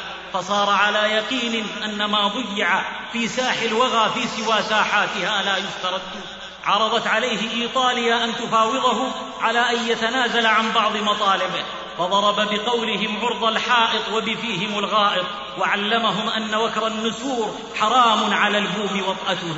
فقال مقالته الخالدة أقسم بالله لن أنفك أذود عن حياض الإسلام إلى نفس الأخير ما دام معي مجاهد واحد. وأعاهد الله الا أتساهل في حق والا أتنازل عن مقدار حافر حصاني لكافر. أقسمت يا قوم بالا أنحني إلا لربي فالق الإصباح. بهذا الخلق يفي البطل الفلسطيني عبد القادر الحسيني رحمه الله لدينه. حينما نودي على اسمه ليصعد المنصة ليتسلم شهادة التخرج من الجامعة الإمريكية فصعد وألقى كلمته عن نشاط الجامعة التنصيري ثم قالها مدويا إنه لا يشرفني تسلم هذه الشهادة من هذه الجامعة. فأسقط في يد القوم وصاروا عند ذلك كالحيارى تصفق باليمين وبالشمال. خبير النحو علمهم معاني التنازع في الهواء والاشتغال. معاشر الإخوة ما أحوجنا إلى ماضينا الأصيل لنهذب به الحال. فيظهر التمييز في مستقبل الأفعال منصوبا في ذهن الأجيال. ليفعل فعل الماء في الأرض البكر تكون قبله قاحلات. فتصير بعده جنات ممرعات وريحان النبات يعيش يوما وليس يموت ريحان الفعال. أيها الجيل الوفاء الوفاء من أعطى بالله ثم غدر فالله خصمه ينصب لكل غادر يوم القيامة لواء يقال هذه غدرة فلان. الوفاء الوفاء وفاء مع الله بتوحيده وإخلاص العبادة له. فبذاك تعلو في أشم شامخ وتحط رحلك فوق هام الخنس ووفاء مع رسول الله اقتداء واهتداء لتظل ترشف من رحيق رضابه المعسول حتى أن ترى في الرمس ووفاء مع عباد الله في العهود والعقود والوعود ليحصل التمييز والإعراب لمن له خفض أو انتصاب. وهكذا بضع آيات قد انطلقت أنوارها في مدار الشمس والشهب سمت بها أمة الإسلام والعرب.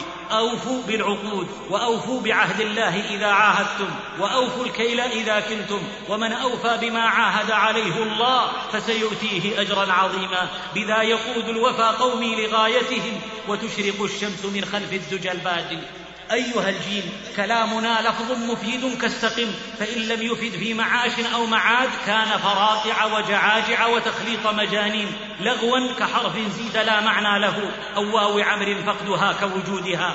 إن الكلام لا يجاوز الآذان ما لم يحول إلى سلوك صادق وأفعال مهما أوتي صاحبه من بيان.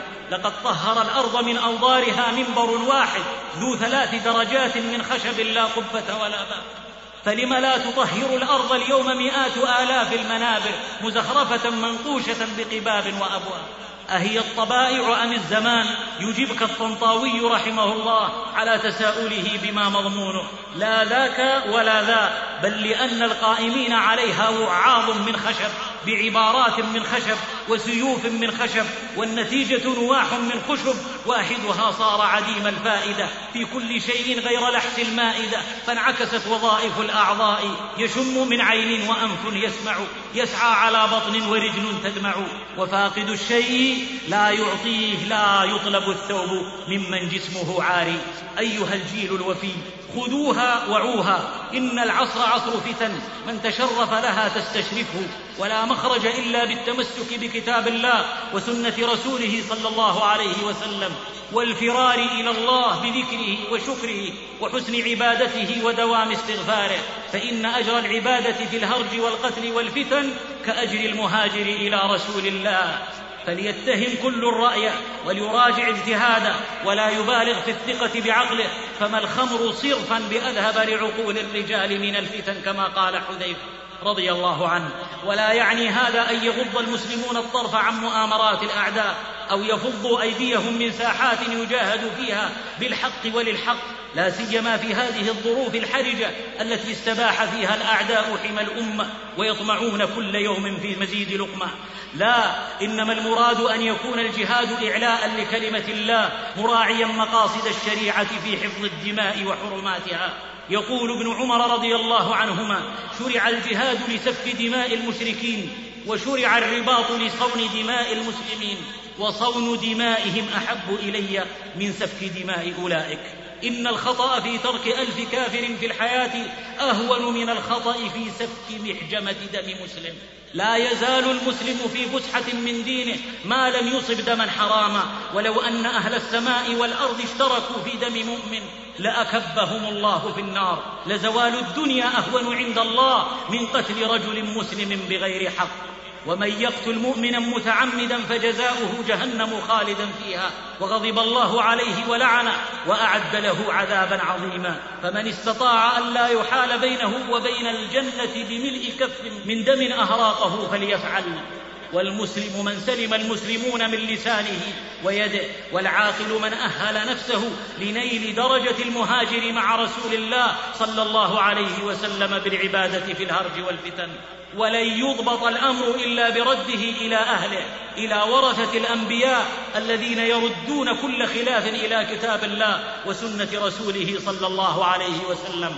من حاد عن هذا فهو أحير من ضب وما ينبغي للضب أن يرشد القطا وما يستوي الخربيت والمتحير.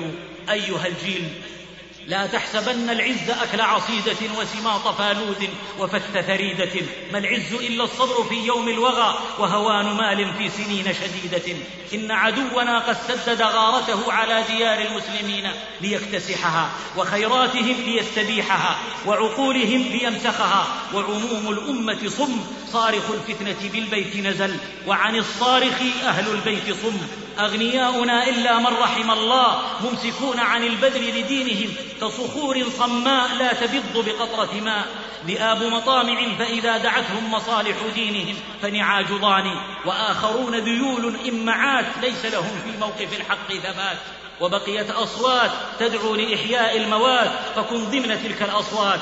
من عالم يفقه الأمة في دين الله وداعية يحدو الأمة بوحي الله وكاتب يكتب بما يملي عليه دينه لا جيبه وداع يرفع يديه في الثلث الأخير لمولاه وغني يستهين بماله في سبيل دينه. إن فعلنا فقد تقلدنا سلاحا لا يفل وعزا لا يغل. إنه لا ينقصنا العدد ولا المال. ينقصنا الصبر والتقوى والإيمان. بالصبر والإيمان ننصر لا بحفلات النغم. قالها ابن رواحة في مؤتة رضي الله عنه وهو في ثلاثة آلاف والروم في أكثر من مائتي ألف. والله ما نقاتلهم بعدد وإنما نقاتلهم بهذا الدين الذي أكرمنا الله به. الدين أقوى من مدافع ظالم وأشد من بأس الحديد وأجلد. ينقصنا أن نكون مع الله ليكون الله معنا. لا حول لا قوة إلا بالعلي.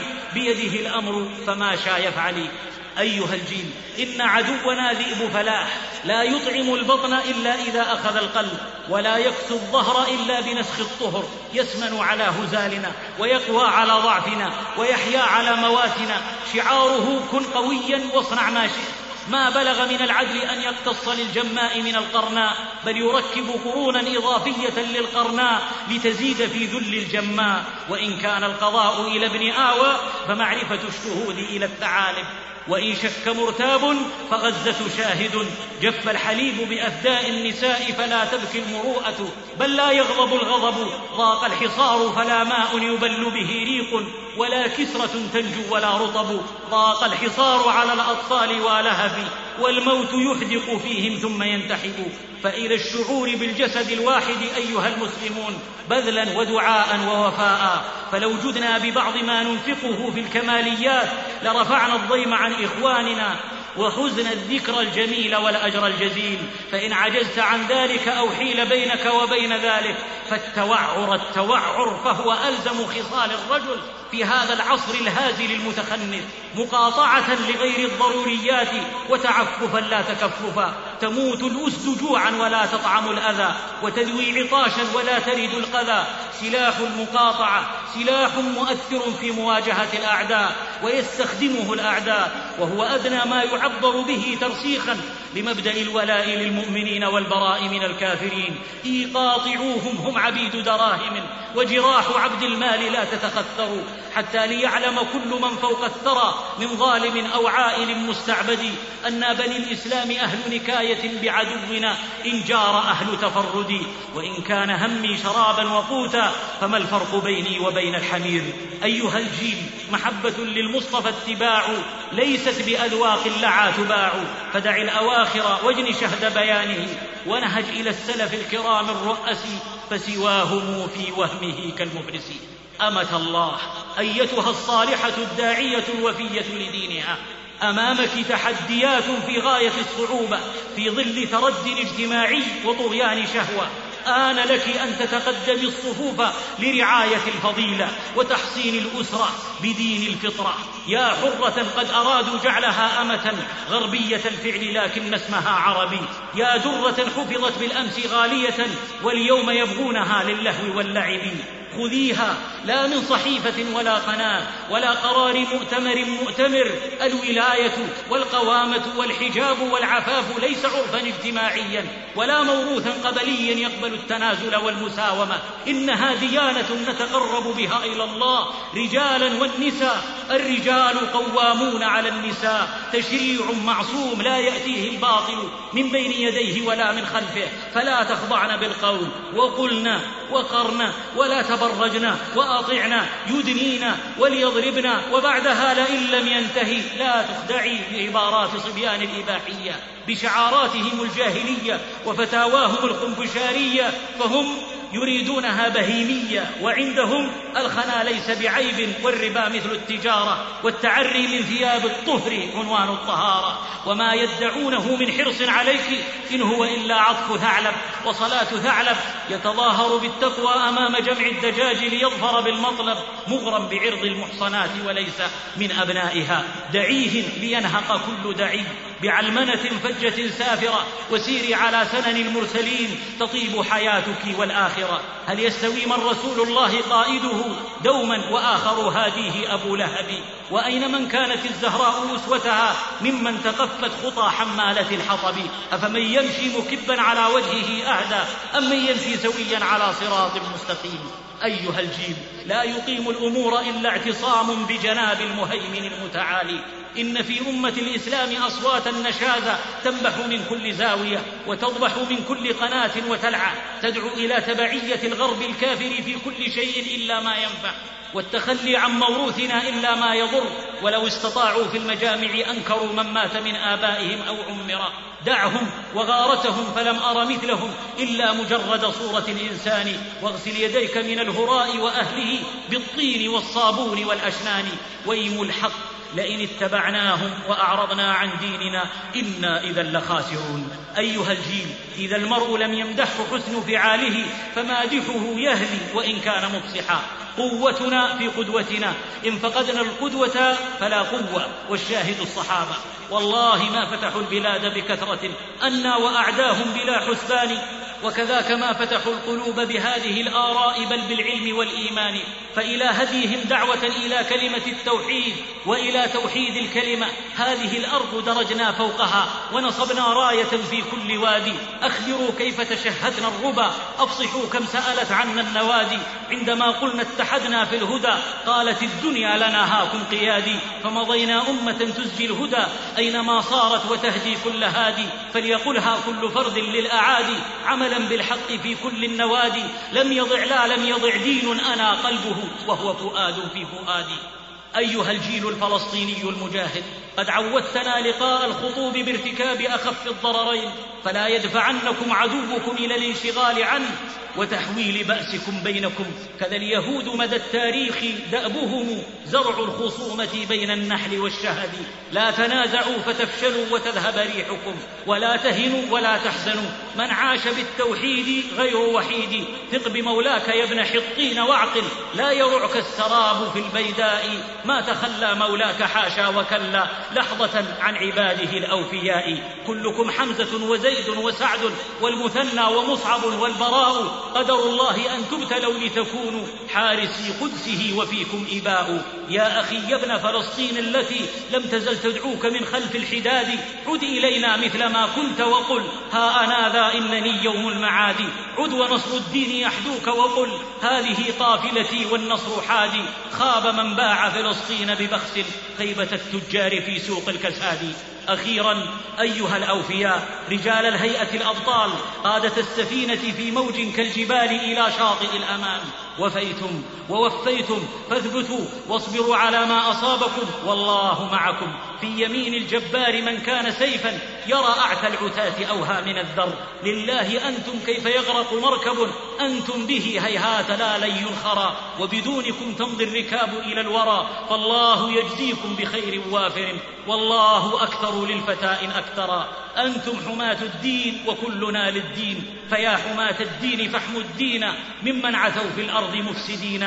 من يرتضي ذاك الخنا خدينا هذا لعمر الله إسرائينا أيها الجيل تلكم صافنات جياد من وفاء خير العباد. ومن يربط الصافنات الجياد فما النفع فيها بأن تصهلا ولكن بأن يعتلى ظهرها ويغزى عليها ببطن الفلا. هذا هو الزرياب الإبريز للسبق والتبريز. يتلى فيفعل في النهى فعل الشراب المسكر. وبنشره صار الخطيب يجول فوق المنبر. كنز لا يذهب به دهر ولا يكوى لمقتنيه جنب ولا ظهر. لم أقض فيه فرضا لأتنفل ولم أرد فيه نهلا فأتعلل بل أقف وقوف الحسير لم يحط إلا باليسير. وقد تمكن من سمعي ومن بصري ومن كناي وأسمائي وألقابي. لا زهر روض نظري ونشر ورد عطري رض في رياضه وخض في حياضه. واظفر بانتشاقة عرف أو اختلاسة طرف. درر وشهد من شاء من تلك الحلى فليغرف من شاء من ذاك الجناء فليقطف فلا تجعلوه مثل همزة واصل فيسقطها حرف ولا راء واصل. كأني بالركب حث الخطى إليه ونادى البدار البدار فلا قلب في الركب إلا وطار يا رب أسكنا فسيح جنتك والنار نجنا منها برحمتك واغفر لنا ما كان من ذنوبنا وزين الإيمان في قلوبنا وسعينا اجعل خالصا صوابا. أعذه يا رباه أن يشابا بشرك أو بدعة أو إعجاب وتب علينا أحسن المتاب. ونسأل الله القبول والرضا والختم بالحسنى إذا العمر انقضى والحمد لله على إتمامه ثم صلاة الله مع سلامه على النبي وآله وصحبه وحزبه وكل مؤمن به. وسبحانك اللهم وبحمدك أشهد أن لا إله إلا أنت أستغفرك وأتوب إليك. وتقبلوا تحيات إخوانكم في مؤسسة وتسجيلات الإمام البخاري الإسلامية مكة المكرمة شارع المنصور بجوار مسجد ابن حسن. رقم الهاتف خمسة أربعة ثلاثة أربعة اثنين ستة سبعة. رقم النسوخ خمسة أربعة تسعة خمسة سبعة سبعة تسعة. صندوق بريد رقم تسعة ثلاثة اثنين ثلاثة. كما نسعد بقبول اقتراحاتكم وأفكاركم النيرة على البريد الإلكتروني البخاري 3 آت هوتميل نفعنا الله وإياكم بما سمعنا وأجزل للشيخ الأجر والمثوبة. وإلى أن نلقاكم. نستودع الله دينكم وأمانتكم.